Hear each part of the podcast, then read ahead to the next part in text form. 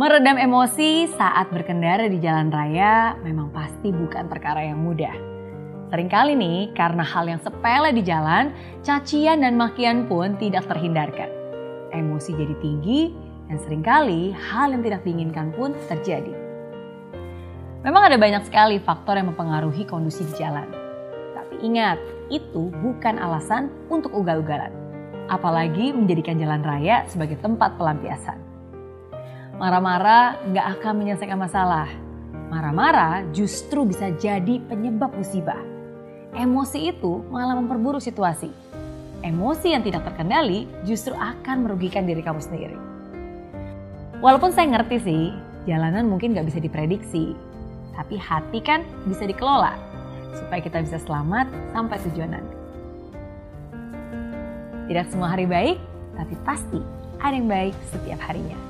Life is good with Mary Riana.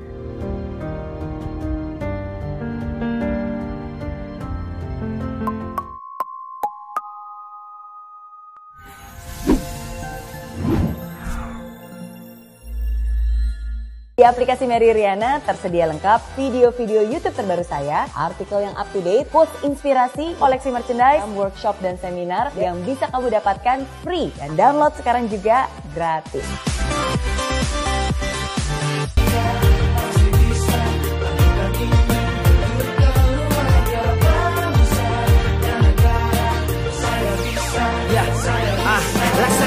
Tanpa hujan, hidup tanpa tujuan, kering dan mati tanpa hijaunya tumbuhan. Ah, demikian kalau mimpi tak kunjung terjadi.